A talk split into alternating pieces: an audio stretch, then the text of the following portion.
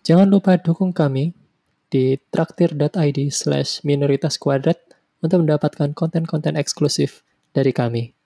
Selamat mendengarkan.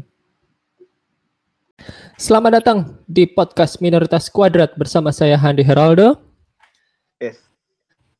seseorang yang baru saja beli HP. Tadi sudah, tadi tadi rekamannya ulang sih, tadi ini rekam lagi. Kasihan, Kasih. Komplain. Oke, Iya. makanya eh, tolong untuk para karyawan saya bekerja lebih keras supaya saya bisa beli saham. Oke, Oke. Eh, Pak. perbaiki. Kita Baik, udah, Pak. kan kita udah enam bulan nggak digaji. Iya. Anda tidak pernah digaji, Kak. Disuruh lebih Dengan- keras lagi kerjanya. Aduh, Saya tidak Bapak. peduli, harus lebih keras. Ayo, silakan. Kembali lagi bersama teman-teman saya ada Arvan, Ilo, dan Rodri. Kami semua masih sehat-sehat saja. Ya, Tuhan. cuma eh, Cuma kenapa, Pak? eh, enggak bad hair day. Ah, Udah lama nggak potong rambut, cuy. sama, Pak. Makanya saya Iya. pakai topi aja, Pak. Iya, makanya aku mau pakai topi tapi nggak cocok ya. Oke. Dan bintang tamu kali ini sangat spesial. Kita undang Yep. jauh-jauh dari seberang pulau. Kita sambut bintang tamu kita, Saudari Aubrey Drew Aubrey. Jessica. Uh, Welcome. Oh, ada Jessica-nya. Iya, sebenarnya masih ada lagi kepanjangannya, tapi sampai situ aja. Setelah saya cari di LinkedIn, itu yang tertulis namanya. Iya, setelahnya masih ada satu lagi, tapi itu namanya. Itu di CV aslinya panjang banget kayaknya namanya itu. Iya. Itu Saya kalau Kalau nama- ujian, kalau ujian semua udah ngerjain ujiannya, aku masih ngikutin nama. Iya, gitu. betul betul betul betul betul. Iya. Apalagi kalau ujian yang ngelingkarin itu ya. Wah, susah banget tuh. Iya. Iya itu, itu. Setengah jam sendiri ngelingkarin tuh. Oh, ujian yang apa nggak lulus itu ya, Bang ya? Eh, lulus. Pak. Lulus. Oh, lulus. Oh, iya, iya, iya. Lulus. Nantang, Teman Pang, saya. nantang, nantang, Pang.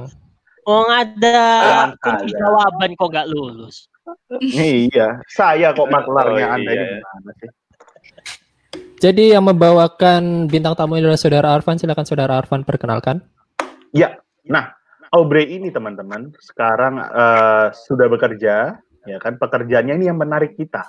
Aubrey ceritain dulu deh latar belakang eh, kuliah ya. Kita harus tahu dulu dia kuliah di mana, terus ngapain kuliahnya. Dulu kuliah ambil psikologi di Atma Uh. Jaya. Uh, Uh, Atma Jaya Jakarta. Jakarta. Atmajaya. Emang Atma Jaya ada di mana aja? Ada juga di Jogja, tapi ya namanya sama-sama Atma Jaya, tapi ada yang di Jakarta sama di Jogja. Oh, Hmm. Oke. Ambil psikologi eh dalam berapa tahun? Kelar. Empat, empat tahun. Empat tahun. Oh, empat tahun. Masuk kuliah? 2000 masuk kuliah 2013, terus lulusnya 2017. Umur berapa? Karena itu tadi 2000? malam setelah kita Oh. research research Iya, nah Kayak- ini ini ya. eh, kayaknya ini kamu lulus sebelum umur 21 atau gimana? Em, aku masuk kuliah, aku kelahiran 97. Jadi waktu aku masuk kuliah itu Mirip-mirip kan sama kita. ya, aku waktu masuk iya, kuliah seumuran. itu baru 16. Gimana gimana gimana? Oh, masuk kuliah umur 16 tahun. Kuliah umur 16 tahun. Kok bisa? Masuk kuliah? Karena aku TK-nya umur satu tahun. Hah? Enggak lah, enggak, enggak, enggak. Aku Oh, ya, wah, buset. Udah, udah serius udah serius. Ya, udah sini. Serius loh, ya, ya, serius. Otakku Kita- tuh lagi salto loh tadi tuh. Aku lagi berputar otak. Iya.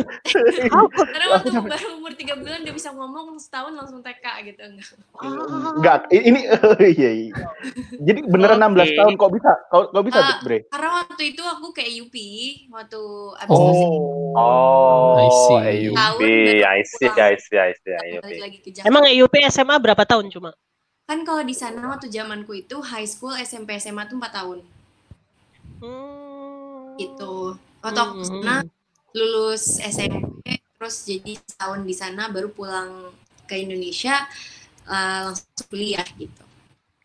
Oh. Hmm. Tuh, Itu udah jelas kan, guys? ah, Bener kan? Iya, kemarin kok kok kita bisa bisa banget ya dia kelar Kemarin- kuliah dari umur 21 tahun. gitu Kemarin kan. ada yang ada yang sok tahu, wajar itu. Oh, iya, Jadi- wajar wajar. Aku jadinya waktu balik ke ini teman-teman angkatanku tuh kelahiran 95 Iya, iya. iya. angkatan kuliahnya. Karena teman-teman sekolahku SD SMP itu kuliahnya kan masuknya 2015, tapi aku masuknya 2013 gitu. Hmm. Oh, oke oke oke. Jadi udah paham ya, guys. Ya udah usah pertanyaan tadi malam kenapa dia bisa kelar dua, umur 21 tahun ya? Karena masuknya umur 16. Iya, benar. Ah, Oh, jadi Betul. Kenapa bisa psikolo- 16? Karena dia SMP SMA di Filipina. Eh, SMA doang. SMA doang. Oh, SMA doang. Di sini kok. Oh ya ya. Oke. Dan psikologi ya, Bre ya. Psikologi lulus ya, Bre ya. Lulus dong, lulus. Oh iya. Karena ada teman Oh enggak. Teman kami ada yang nggak sempat lulus, kasihan kasihan kasihan. Hmm. Kasihan. Belum, belum. Akan lulus. Belum, belum, belum, Pak. Belum, Pak. Belum. Loh, kamu nggak lulus, Rod? Belum. Oh, belum. Oh, Enggak, Di kan situ nggak pengen ambil psikologi juga enggak kan? Nggak ada, nggak ada, nggak ada. Hmm, Tapi nggak, nggak beberapa ada, nggak kali beberapa kali bintang tamu kita itu anak psikologi. Bener nggak? Ayo coba pikir-pikir. Eh Iva- Ivana kan anak psikologi, Pak. Jasmine juga. oh iya. Hmm. Oh, Jasmine juga. Iya. Alah, iya iya iya. iya. Oke. Nah, yang menarik dari eh, dari Aubrey ini adalah pekerjaannya dia sekarang. Bre, ceritain Bre. Em, jadi ya sih aku sebenarnya jujur waktu awal mau kerja itu sebenarnya nggak kepikiran kan mau kerja di bidang apa tapi pas lulus pokoknya satu pemikirannya aku nggak mau kerja di kantor nggak mau kerja kantoran Why, why, Gitu. why? Why, why? karena menurutku boring aja sih kerja kantor gitu. Kayak maksudnya setiap hari jam 9 sampai jam 5 depan kompu depan laptop atau apa terus ngeliatin kayak gitu-gitu. Dan rutinitas yang kayak gitu-gitu aja aku eh, maksudnya kurang sesuai sama diriku menurutku itu bukan bu- bukan preferensiku lah kerja gitu Oke. apalagi apalagi kalau psikologi yang di kantoran kan biasanya tuh HR jadi tuh kayak misalkan screening CV terus wawancara interview gitu-gitu kayak kayaknya membosankan gitu. Dan kebetulan pas kuliah aku juga nggak ngambil peminatan itu. Kamu kuliah ngambil apa? Kasih kasih tahu dikit dong psikologi itu penjurusannya gimana? jadi kalau di Atma itu nanti semester 5 kalau nggak salah ya semester ya semester 5 kita tuh ada enam peminatan. Nah ada empat peminatan eh, psikologi sosial, psikologi pendidikan, psikologi klinis, sama psikologi industri organisasi gitu. Terus aku Oh, oke. psikologi klinis. Kalau klinis tuh biasanya emang lebih fokus kayak ke gangguan-gangguan gitu. Hmm, dan kamu ngambil ke? Itu aku ambil klinis. Terus Hmm, hmm. karena emang nggak nggak tertarik. Biasanya paling banyak peminatnya selain klinis yang itu industri organisasi yang kerja di kantor, jadi HR, trainer-trainer gitu di perusahaan. Nah, yang kamu pelajari itu apa yang kamu lihat? Misalnya kamu bertemu dengan seseorang, apa yang kamu lihat? Yang aku lihat ya bentuknya manusia apa bukan? Enggak. kan, kan serem kalau tiba-tiba ketemu bentuknya tapi setan gitu kan. iya juga. ya. Iya juga. Iya juga Kita, ya. kita sih di sini kita di sini semua manusia tapi kelakuan setan. Wah. Wah. Wah. Nah, itu banyak. yang- Oh, banyak, banyak. Waduh. Banyak. Banyak, banyak, banyak. Semua kayak gitu. Weh, enggak semua sih. Bisa bisa diarahkan aja ya, bisa diarahkan tolong. Nah, Jangan, sebenarnya jangan. Kalau Ya, kayak eh, yang di kantoran gitu psikologi industri organisasi eh, kebanyakan mereka fokusnya ke tentang positifnya manusia gitu kan. Karena kan Hmm. kan di kantor ngeliat potensi kerjaan orang tuh di mana, terus kayak kepribadiannya tuh cocoknya kerjanya gimana kayak gitu-gitulah. Jadi lebih melihat sisi positif dari psikologi. Nah, kalau aku lebih menarik sama yang kalau klinis itu kan lebih belajar kayak gangguan-gangguan kayak gitu-gitu. Kan lebih menarik melihat orang-orang yang yang gitu lebih unik-unik. Nah, contoh kalau kamu melihat eh, kita ya, contoh ke, ke Rodri deh. Rodri ini kan mukanya abstrak ya, abstrak. Apa yang kamu bisa menilai? Eh, Saya lagi. apa dia punya eh, apa yang kamu bisa melihat dari Rodri? Bukan gini gini, maksudnya eh, yang dengan berhubungan dengan pekerjaanmu sekarang ya. Apa yang kamu bisa lihat dari Rodri? Yang bisa simpulkan atau apa yang oh aku bakal beginin Rodri sih. Ah, beginin beginin. Gimana? Kadang kebanyakan salah sangka orang-orang tuh kayak misalkan dibilang oh kuliah psikologi pasti bisa baca pikiran bisa bisa tahu langsung tahu sifat orang sebenarnya tuh salah kita kan kuliah empat tahun bukan Hmm. buat jadi dukun gitu bukan buat Iya iya iya ya, itu salah ya, itu salah ya. Ah, ya betul. itu salah salah Bukan sering banget bukan kayak Mas Deddy Corbuzier gitu. Iya iya. Kuliah apa waktu itu kan oh psikologi terus orang kayak ih nanti dibaca dong atau ditanya biasanya pertanyaan bisa baca dong gitu kan Terus kayak, Waduh. ya iya Ya bisa, bisa. baca. kalau kalau nggak bisa baca. baca ya betul Gak kuliah. Iya iya iya iya gitu. iya. iya. Jadi kita nggak segampang itu menilai menilai misalkan sifat orang atau apa. Kita butuh eh, misalkan kita wawancara, terus kita observasi, dan itu nggak cuman harus sekali dua kali kan? Karena kan jangan sampai kita salah menginterpretasikan tentang orang tersebut. Kita juga bisa tanya sama lingkungannya gimana dia orangnya apa kayak gitu-gitu. Nggak segampang cuma asal ngeliat nih muka, wih ternyata dia tuh kayaknya sifatnya ini itu gitu kan. Oke, Kayaknya- oke. Berarti ya intinya dari yang dari Aubrey tadi bilang bukan kuliah kuliah psikologi itu bukan untuk jadi uya-kuya ya, bukan. ya? Iya benar. Oh. nggak segampang uya kuya gitu kayak Iya, oke iya, iya. dalam ini kamu akan tidur atau apa enggak Iya, sih iya, iya, enggak ya.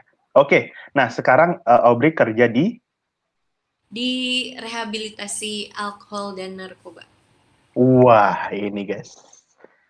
Di Kalau- Bali ada itu. di Bali ada banyak aku udah eh, kerja di beberapa kayak gitu jadi habis lulus Ini eh maksudnya habis lulus langsung kerja di bidang itu Hmm. oke, ini swasta atau punya pemerintah? Eh, punya swasta punya orang luar sih Oh, ada ya swasta buka kayak gini juga. Iya, soalnya em, mereka menyasarnya kayak punya ko itu kan punya orang luar jadi menyasarnya malah orang-orang dari luar Punya oh punya orang luar maksudnya. ya Pak, Pak. Kalau kalau penasaran bisa Ah. lihat uh, website eh aku lupa website tapi tulisannya Calm Rehab Bali gitu. Kalau mau di Oh iya, jadi eh, sasarannya ke yang turis-turis datang ke Bali ya, turis luar negeri datang ke Hmm, Bali. ya emang misalkan sengaja mereka mau rehabilitasi di Bali karena kan rehabilitasi. uh, kayak luxury rehab gitu. Jadi kayak mereka satu kamar Mhm. sendiri, ada kolam renangnya, villa ada kolam renangnya kayak gitu-gitu. Oh, Oke. Iya oke, oke, oke. Kalau Handi ini ini ya eh, apa ketergantungan atas cinta. Alah. Oh lah, lah. enggak Pak, saya cuma pansos di situ Pak. Saya hanya ingin Oh. memancing, Iya, tidak iya. berniat untuk bertanya itu. Oke. Iya, iya. Eh, terus Anda- Abrik eh, di rehabnya itu bagian apanya? Maksudnya apa yang dikerjakan gitu? Em, aku biasanya kayak co-facilitator yang kayak ngajarin mereka kayak education mereka juga gitu Em, tentang kayak misalkan kenapa atau new lifestyle-nya mereka. Jadi kayak yang ngajari gitu. Kayak pokoknya Oh jadi kayak kelas gitu ya? ya ada kelas-kelasnya kan mereka tiap hari itu ada rutinitasnya macam-macam. Nah, salah satunya aku Hmm. kayak ngajar di itu. Terus em, ini juga jadi support worker juga gitu. Kayak support mereka dalam recovery-nya mereka gitu. Jadi kayak tem ya jadi apa ya bahasanya ya? Ya kayak support mereka gitu sih. Mereka butuh apa kita misalkan temenin ngobrol atau apa mereka needs-nya apa kita supaya kita tahu needs-nya mereka kayak gimana. Kurang lebih kayak gitu. Tapi emang fokusnya mainly itu sih eh, apa co co facilitator setiap education atau ada kayak namanya em, proses grup kayak mereka ngomongin tentang feelingsnya mereka kayak gitu gitu Hmm. Mereka tinggal di situ. Iya, mereka tinggal di situ. Ah, kan ada namanya primary treatment. Primary treatment itu Mm-mm. yang benar-benar mereka tuh harus tinggal di situ kayak Oke. diputus dari dunia luarnya mereka. Maksudnya mereka boleh pergi keluar tapi dengan dalam pengawasan kita nggak bisa kayak bebas mereka mau ini kalau masih primary treatment.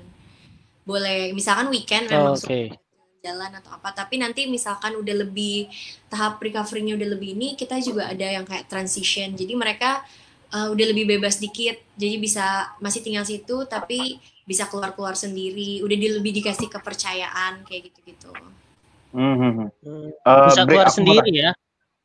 tanya. Enggak bisa dong. Harus- Tetap kalau mau keluar keluar itu harus dibantuin, Pak. kalau ya kalau yang memory itu harus ditemenin nggak bisa mereka asal kayak iya mau keluar sendiri ntar mereka tiba-tiba keluar mau beli minuman atau malah ke apotek gitu kan Oh, iya benar-benar nggak bisa sih bang Hmm. keluar sendiri harus ditemenin. Betul tapi betul. kalau udah di transition itu kayak misalkan pasti mereka udah primary dulu baru bisa transition kan misalkan primary entah minimal at least 60 hari atau 90 hari baru mereka kalau transition itu supaya belajar nanti gimana karena kan kalau di rehab itu kan ya pasti lingkungannya mereka emang diputus bener-bener dari dunia luar kan jadi pasti gampang buat berhenti tapi yang lebih susah itu ketika mereka ketemu sama trigger-trigger di luar kayak misalnya mereka lewat eh ngeliat orang minum bir atau apa gitu biasanya gunanya transition itu supaya belajar mereka eh, balik lagi ke society itu gimana gitu Hmm. Hmm. Itu ada paketnya berarti ya Bri? Paket Eh, tiga bulan, paket enam bulan. ada di tempat kita minimal yaitu sih 30 hari Eh, Sebulan. Bre, Bre, Bre. Minimal ya. Sorry. Minimal sebulan. eh, aku aku tadi kurang eh, kurang fokus atau gimana tapi gini itu yang sudah yang di tempatmu itu yang sudah ketergantungan atau nggak harus ketergantungan atau juga bisa begini contoh dari penjara eh, dari pengadilan bahwa putusannya direhabilitasi dilempar ke kalian juga bisa? Bisa atau bisa. gimana? Semua itu Bisa. ya? Semua itu kita terima gitu kan. Pokoknya em, ada yang mereka tapi lebih sih karena kadang udah ketergantungan yang bener kecanduan parah sih biasanya. Karena biasanya kalau belum kecanduan banget mana sih ada orang yang yang mau direhab gitu kan kecuali dipaksa sama keluarganya Ah. kayak kalau kamu nggak rehab kita cerai atau apa kayak gitu-gitu juga ada gitu kan cuman Hmm. biasanya kalau masih tahapnya belum parah-parah banget biasanya kan orang itu kayak nggak mau lah direhab yang udah parah aja kadang nggak mau direhab apalagi yang masih dianggapnya masih biasa-biasa aja tapi ada juga Kenapa ya? yang Kenapa ya mereka nggak mau direhab? pemerintah kenapa Kenapa ya mereka nggak mau direhab? Ya karena kan sebenarnya yang kayak waktu itu kita eh, waktu minggu lalu itu kan pakai drugs itu kan gak sekedar kayak kita pakai narkoba terus kita langsung kecanduan gitu kan. Mungkin emang chemicalsnya secara fisiologis bikin kecanduan tapi kenapa dia pakai drugs? Berarti kan ada reason reason di baliknya kan. Misalkan dia Hmm. kebanyakan di abuse waktu kecil atau ada luka-luka yang ya udah dia eh, apa namanya cerita sama orang atau apa lebih baik dia ngerasa drugs itu temennya dia lah kayak gitu. Makanya mereka ngerasa kan ya udah mereka cuma tahu apalagi learn behavior. Selama misalkan mereka udah pakai drugs selama berpuluh-puluh tahun 10 tahun 15 tahun atau apa ya kan susah juga kan untuk mengubah lifestyle-nya mereka. Makanya banyak yang nggak mau drugsnya kayak udah nyaman sama seseorang. Kayak contohnya di abusive relationship ya. Kayak udah nyaman Hmm. tahu pasangannya itu nyaman walaupun di abuse kayak mereka Iya memilih iya iya. untuk nerima kayak ini loh ada yang lebih baik gitu mereka tuh berat lah karena udah terbiasa cintanya terlalu Oh lama benar sekali. gitu, sama Iya. drugsnya udah ini Saya sedikit Gimana, connect setelah kamu setelah kamu merelasikan dengan hubungan relationship, bah, saya baru dapat gambarannya itu. Oke, jadi gini Audrey, em, ngomong-ngomong rehabilitasi kan, kita ingin juga merehabilitasi pikiranmu dengan memasuki sesi jelaskan.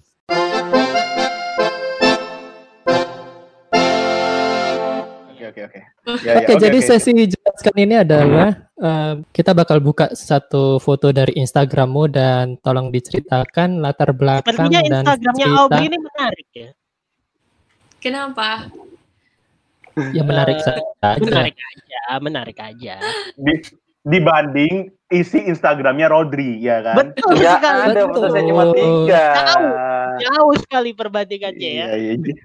Tapi boleh Pilih- dibilang nggak eh, anunya follow apa? Nama Instagramnya Aubrey?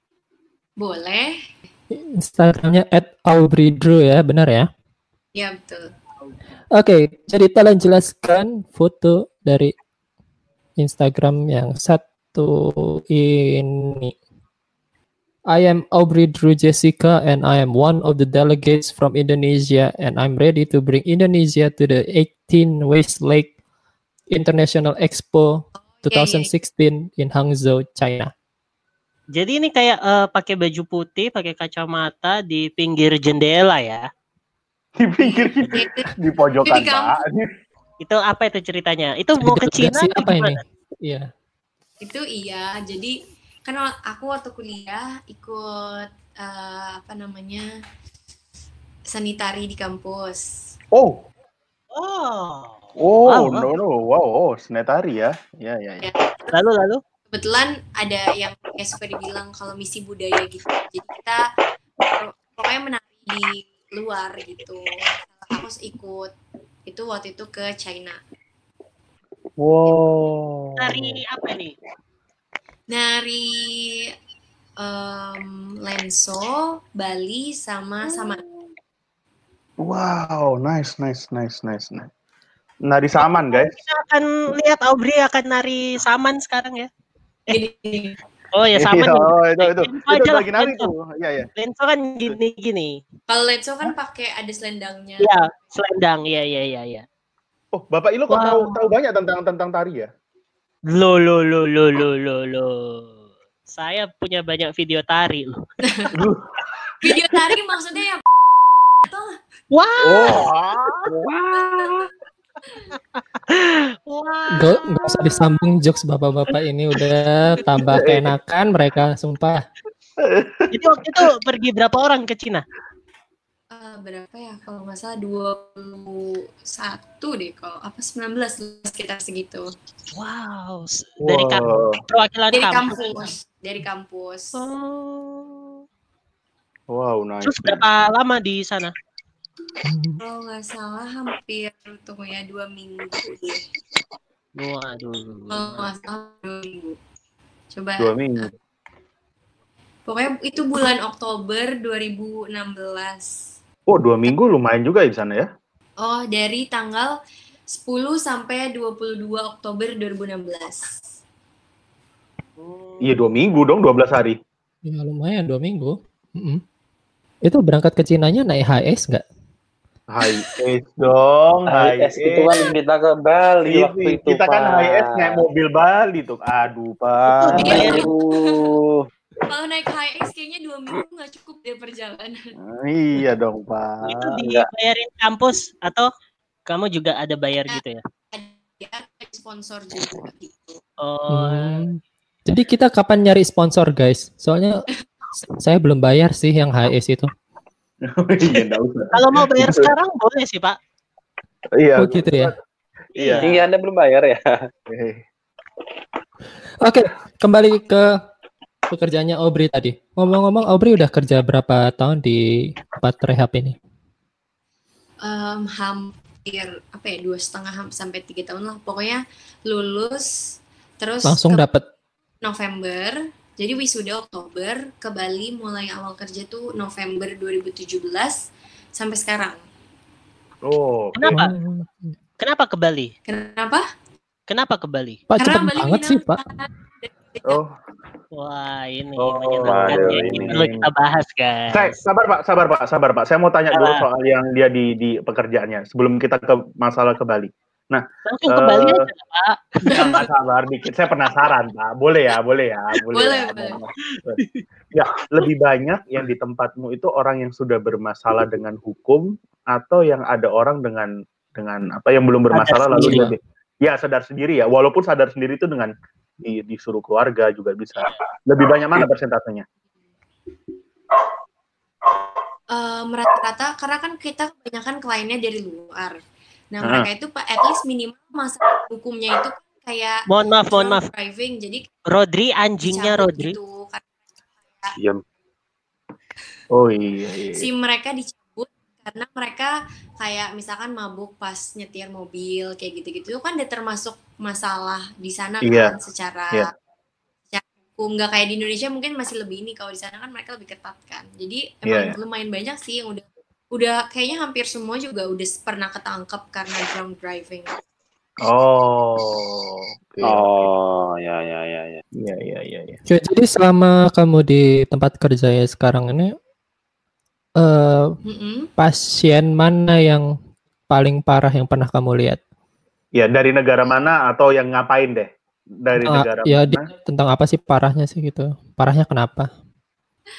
jadi eh, apa namanya kan aku kerja di udah pernah di ti- tiga rehabilitasi sama-sama rehabi- rehabilitasi luar Nah, itu pokoknya selain yang tadi aku bilang, ada yang pernah parah itu orang yaitu self harm, self harm percobaan bunuh diri dan aku yang nemuin gitu. Maksudnya pas nih orang kan nggak keluar kok, udah mau makan, kok nggak keluar keluar gitu. Terus kebetulan aku manggil ke kamarnya kan.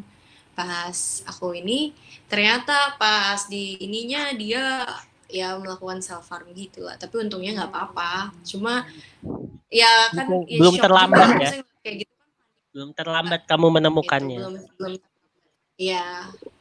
Gitu. Tapi ini Hmm. khusus ini ya, khusus obat-obatan aja ya.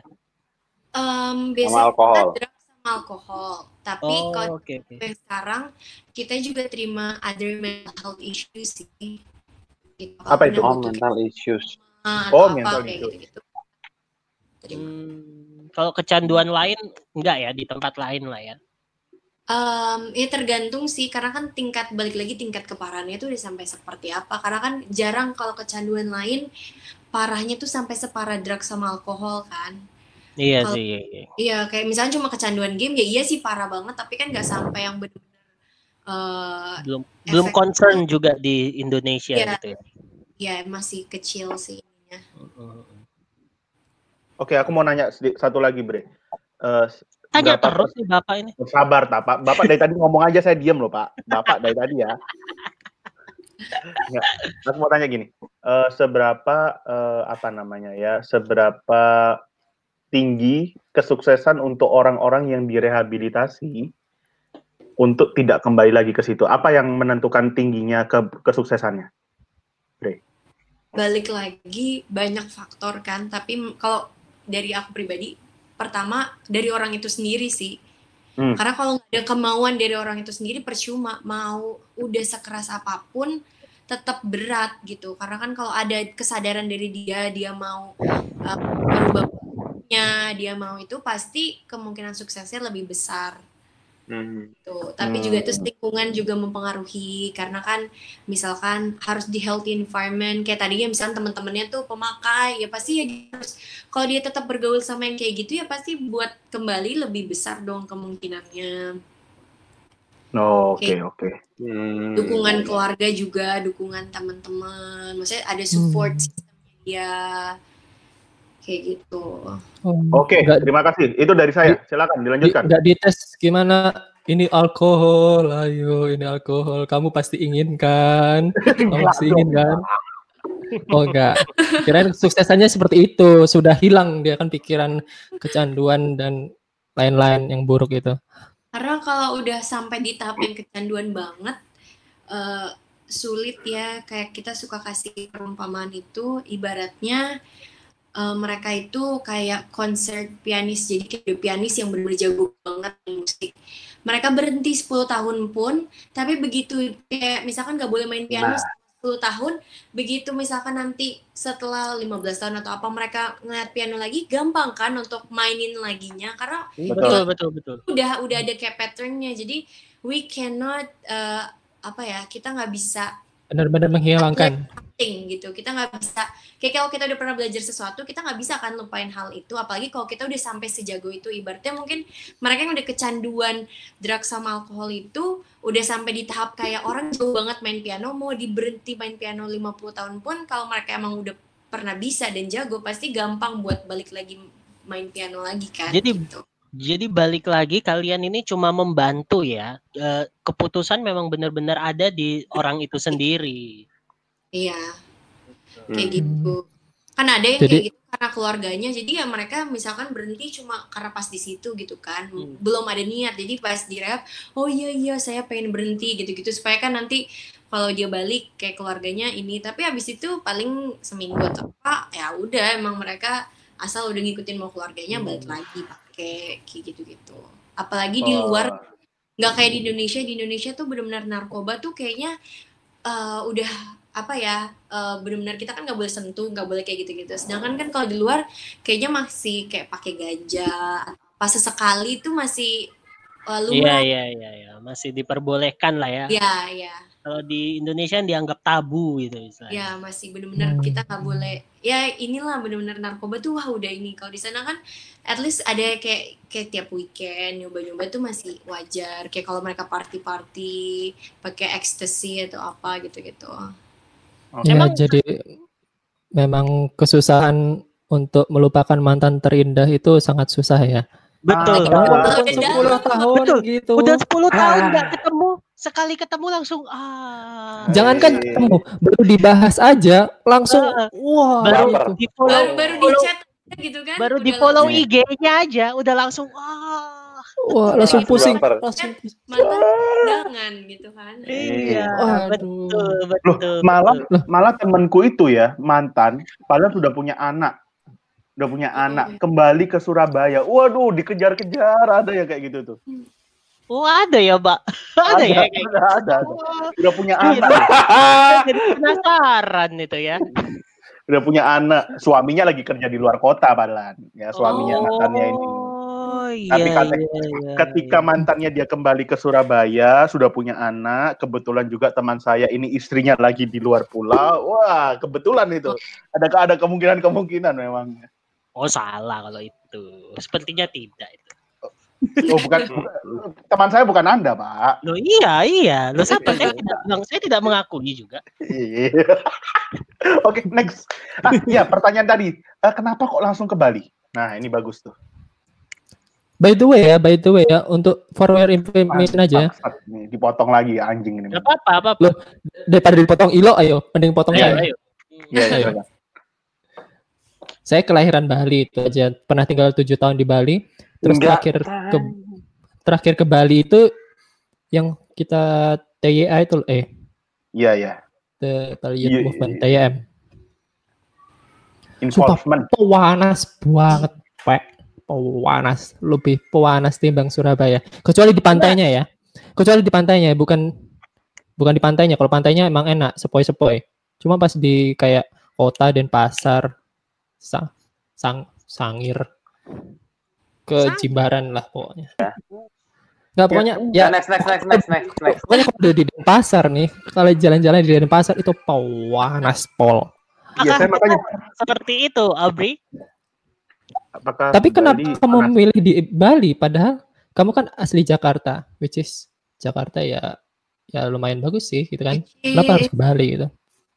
Em, pertama sebenarnya waktu lulus pengen kerja nggak di Jakarta.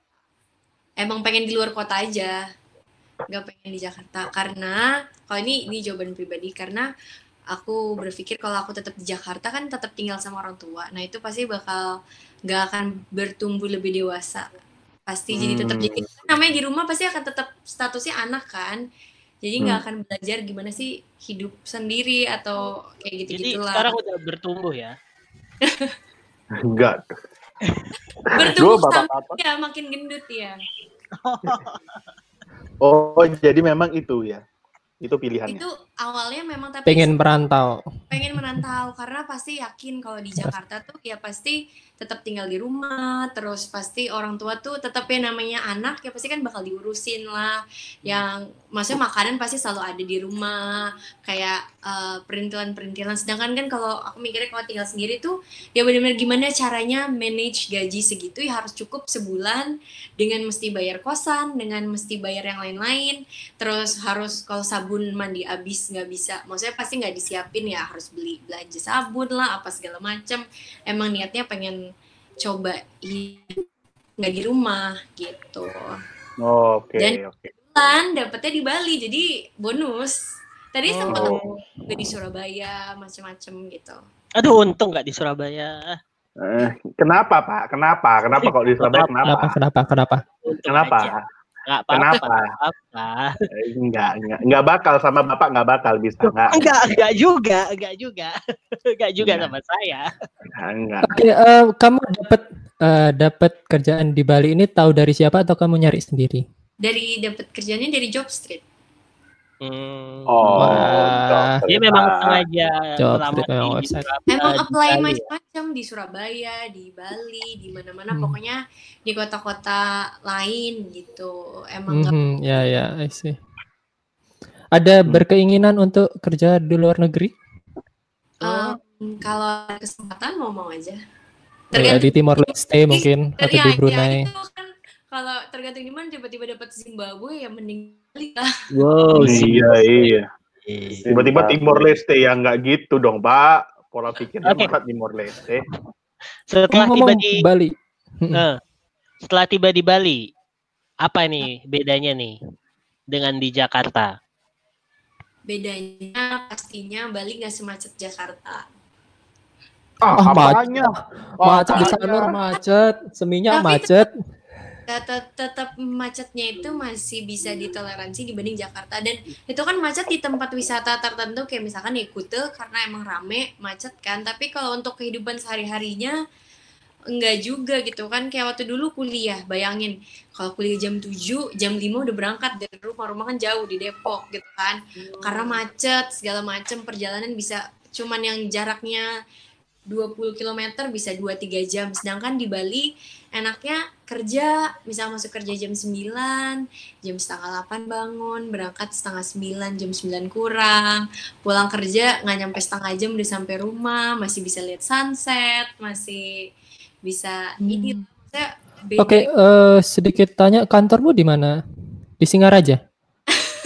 Di Singaraja, Pak. Jauh banget, Pak. Di hutan dong, Pak. Di atas dong. Jangan di atas banget dong. Tiga jam sendiri perjalanan, Pak. Di mana di mana? di deket kerobokan di Oh, Oh, Grobogan. Romokan. Oh, ya, ya, ya. di tengah deket, deket kerobokan deket kalau suka tahu yang Nuk itu deket banget sama Nuk Oh, nuk nuk nuk. Iya, iya. Iya. Nuk Nuk, Loh. Nuk. Ya, Nook eh, Animal Crossing. bukan dong. Nuk yang Eh, makanan makanan itu. Iya, Iya. iya. Aku tahu. Eh, Bre, eh, kalau setiap hari tapi eh, perginya naik, ah, maksudnya transportasinya naik apa? Naik motor, naik atau naik mobil? naik mobil Oh, naik mo- mobil nggak macet masa sih? enggak aku ke kantor orang biasanya misalkan masuk jam 9 8.40 juga berjalan nggak apa-apa Waduh. enak kan? Kalau di Jakarta udah stres duluan. Dibilang Iya. deket banget juga nggak sedek ya ya kalau buat Enggak, aku pasti deket sih kayak sekitar 5-6 kiloan gitu kan masih deket. Cuma orang Bali tuh ngeliat kayak gitu tuh mereka pikirannya tuh jauh karena mungkin Sama, orang Surabaya juga. ngeliat kalau di Jakarta tuh jalan kayak 10 kilo tuh masih kayak deket rasanya. Kayak udah biasa.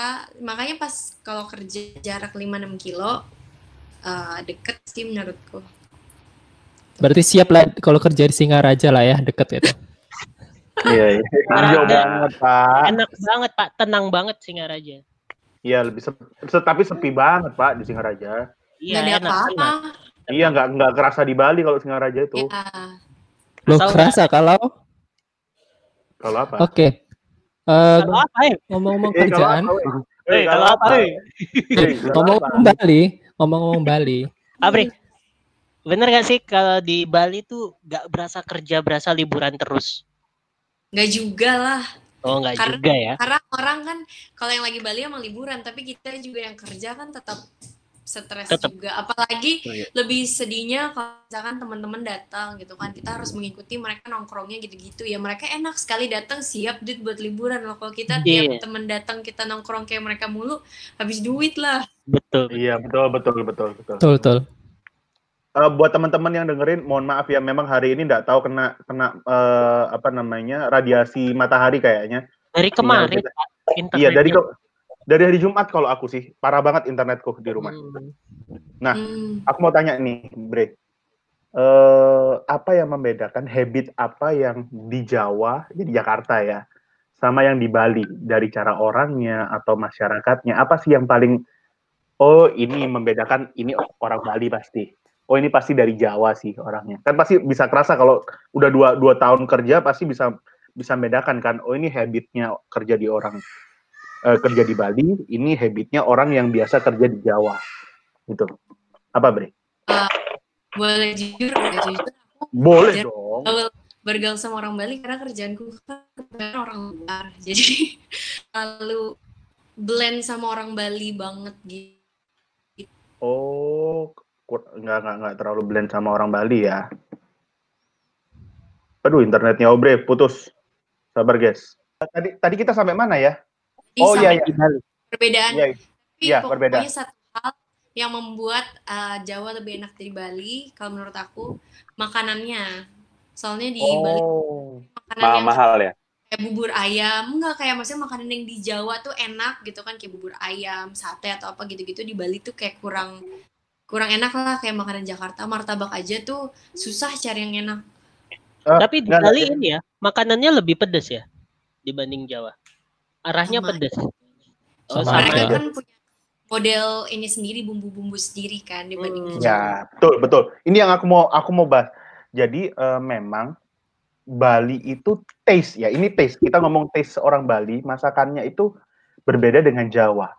Hmm. Jadi ketika orang Jawa pindah ke Bali, pasti mereka akan tersiksa. Taste. Jadi Ya. sama-sama pecel nih, misalnya nasi pecel, ya, sama na- nasi pecel. Pecel di Jawa sama pecel di Bali itu beda taste-nya. Iya bener, Hmm. Gitu loh. banget. Sama-sama martabak, martabak telur. Martabak telur Hmm. di Surabaya sama martabak telur di Bali itu taste-nya bisa beda. Taste ya, rasanya itu cenderung contoh kalau jauh eh, kalau Surabaya atau Jawa Timur itu kan asin. Petis. Nah, kalau ke Jawa Tengah itu kan lebih ke manis, tapi kita masih bisa tem kita masih bisa temukan gurihnya. Nah, tapi kalau kita sudah pindah ke Bali itu sudah berbeda. Itu yang Lain mungkin dimaksud Elbre ya. Iya, soalnya kayaknya ya feelingku tuh mungkin orang-orang yang nggak laku jualan di Jawa terus mereka pindah ke Bali. So, Kayak nggak?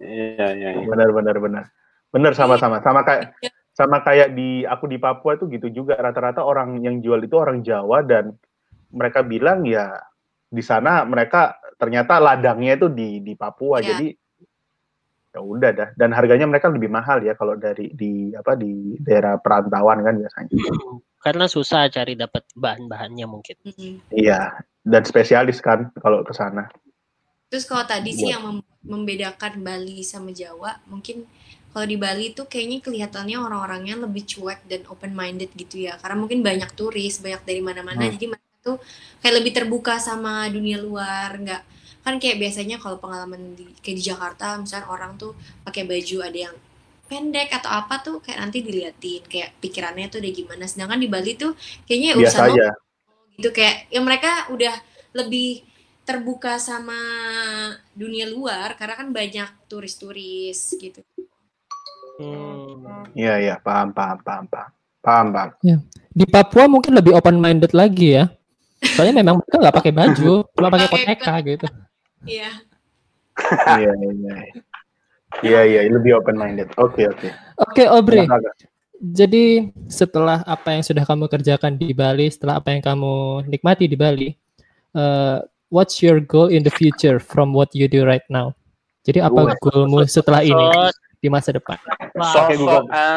Pakai Google Translate nih Google Di Translate Bali kan di Bali kan harus talking talking English lah, you know, talking talking English very good lah.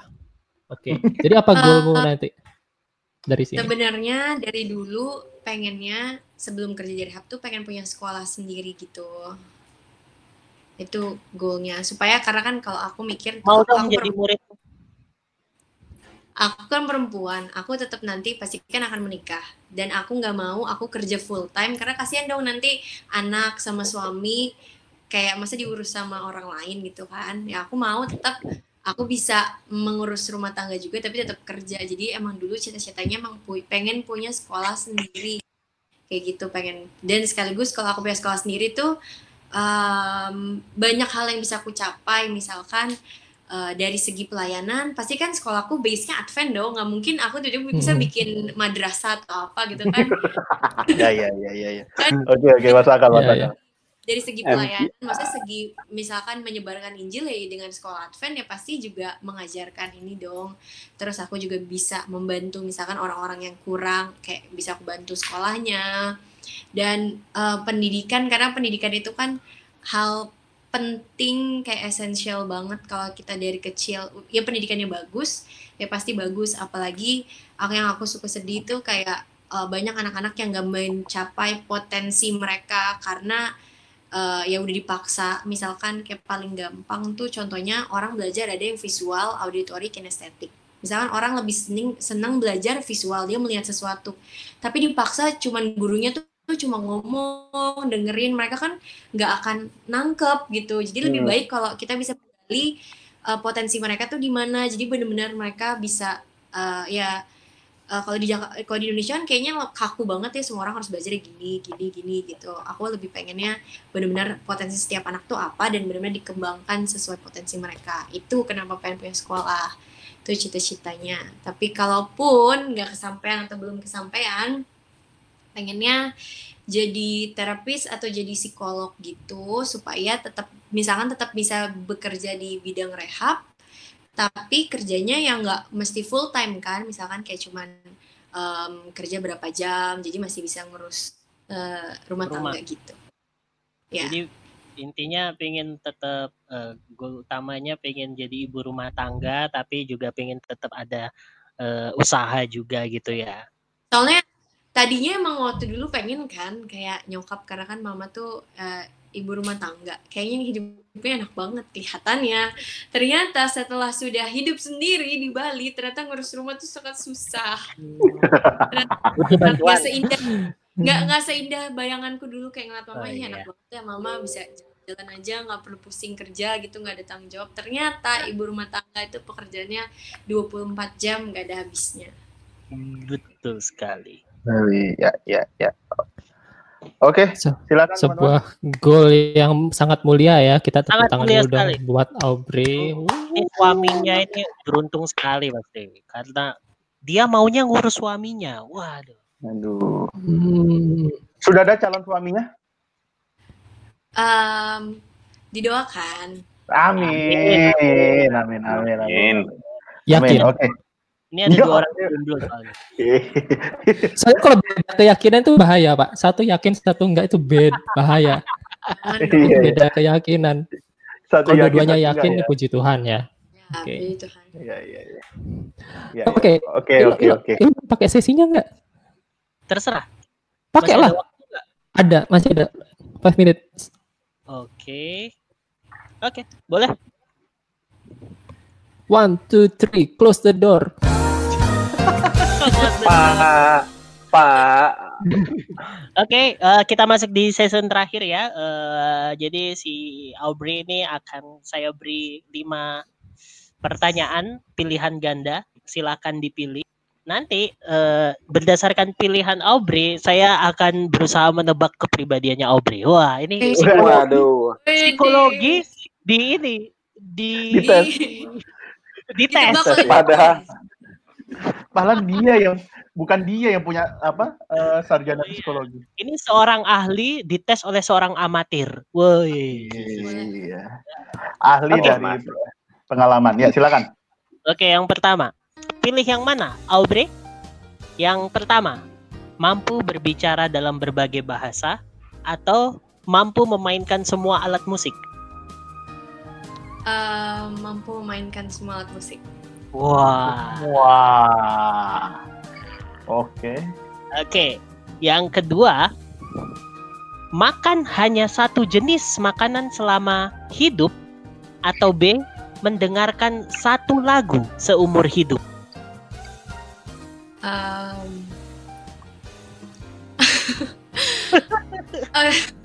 Berat ya, berat ya. ber- berat ya. Mendengarkan lagu satu seumur hidup. Wah, satu lagu aja ya. Oke. aja. Mm-mm. Oh, aku bisa Oke. makan macam-macam. Oke. Kan kan gak Masuk dibilang lagunya ya siapa tahu lagunya kan kompilasi satu album gitu.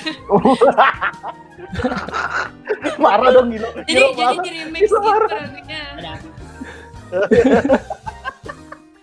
Oke, yang ketiga, yang ketiga. Ini berat juga nih.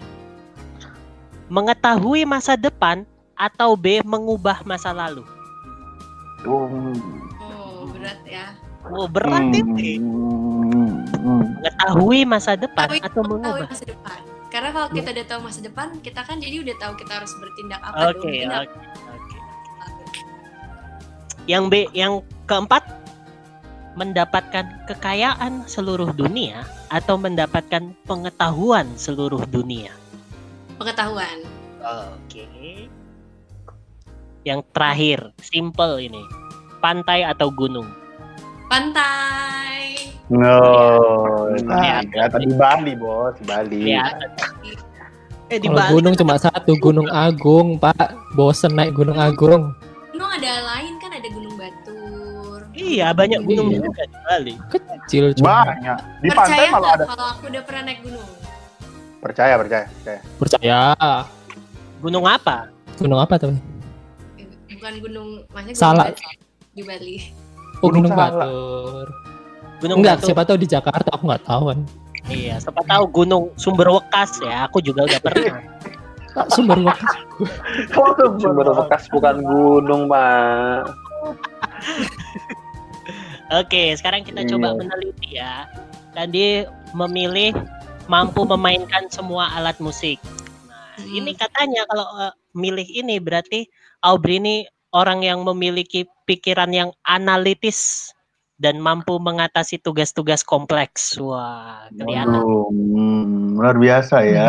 Ini Bapak Ilo. udah ini belum apa? Apakah sudah dites secara saintifik kah? Oh, sudah, sudah ini, sudah. Ini ini terpercaya ini.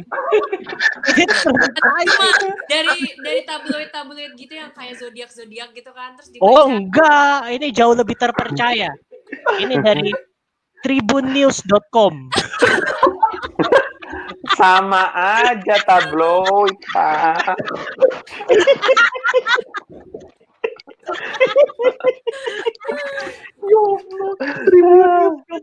Ini terpercaya banget, guys. Oke, tadi mendengarkan hanya satu lagu seumur hidup. Waduh. Ini Iya, iya, berarti iya. Kamu menyukai aktivitas dan gerak, wah gitu ya. Oh, iya, iya. Benar sih kayaknya, Wah. kelihatan ya, kelihatan. Bener gak sih? Enggak sih aku mah gerak. Oh, males males gerak. Iya, Oh, iya. pasif pasif aja berarti ya. Eh, iya, Aubrey mungkin aktif di sisi lain mungkin ya, mungkin Oke. aktif mencari uang atau lain. Bu- Tergan nah, tergantung jam berapa? Tergantung jam berapa? Nah, Uh, pancing, Oh, iya. pancing. Pak, saya susah ngeditnya loh, Pak. Tolong dong. Tadi juga memilih lebih pingin mengetahui masa depan daripada mengubah masa lalu. Ini berarti katanya kamu adalah orang yang suka cepet kurang Hah? sabar gitu ya. Pingin cepet tahu istilahnya gitu loh, orang sabar. Kepuan, Terus- kepuan, kepuan. Ya kepo, gak bisa itu dikasih trailer tapi gak dikasih tahu apa intinya. Gitu. Untung Anda tidak dalam golongan kami, Aubrey. Kemudian Kan tadi lebih Psikologi harus kepo untuk Oh iya, menggali. bener ya. Wah, bener bener bener. Oke, tadi lebih memilih pengetahuan seluruh dunia, berarti Aubrey ini orangnya bertanggung jawab dan hidup untuk masa depan. Bos, Wih, keren nih. Aduh. Amin, amin, amin. Ya itu lebih ke doa ya, lebih ke doa. Iya, iya. Karena kalau dia memilih kekayaan seluruh dunia, dia orang yang tahu menghargai saat ini dan tahu menikmati momen itu gitu katanya. hmm. Yang terakhir pantai atau gunung, pantai ya. Kalau orang yang lebih memilih pantai ini, dia orangnya punya banyak teman, mudah bergaul, mudah sosialisasi, dan suka obrolan yang ringan-ringan dan santai gitu. Hmm. Karena kalau gunung itu lebih suka menyendiri, eh, terus suka percakapan yang berat-berat sama tajam-tajam, katanya sih gitu. Hmm. Oh. Oh, Kayak gitu ada ya. filosofi-filosofi kalau orang naik gunung gitu. Oh. Iya betul iya. iya. Iya benar-benar orang pantai itu pokoknya berenang Kalau aja gitu pantai ya. Asal nyantai, obrolan nyantai-nyantai Iya. gitu. Kecil, Foto-foto kecil. Iya. cantik gitu kan. Iya. Iya. Iya, Iya betul. foto-fotonya cantik. akal. Iya. Apalagi kalau di pantai itu kita tetap bisa menemui gunung-gunung biasanya memang, Pak. Wah. Wow, iya benar, benar, benar. Kadang di sebelah terus, sana itu ada gunung gitu ya. Iya, iya. Kalau di Sanur bisa kok kelihatan gunung.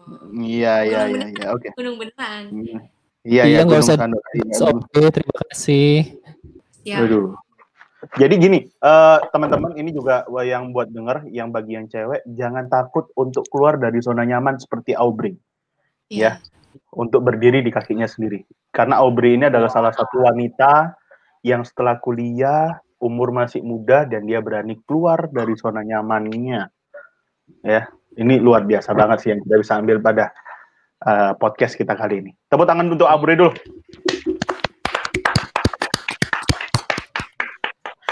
Oke, Oke, sekian untuk episode kali ini. Jangan lupa eh, dukung kami di Insta untuk follow Instagram kita @minoritas.quadrat. Juga dukung kita via traktir.id slash minoritas kuadrat supaya kita bisa beli perusahaan Telkom. Oke. Iya. Jangan lupa juga di follow IG-nya Aubrey at Aubrey Drew. Walaupun di private, gak apa-apa, follow aja. Tunggu nanti eksepannya. Sampai ketemu di episode selanjutnya. Bye. Bye.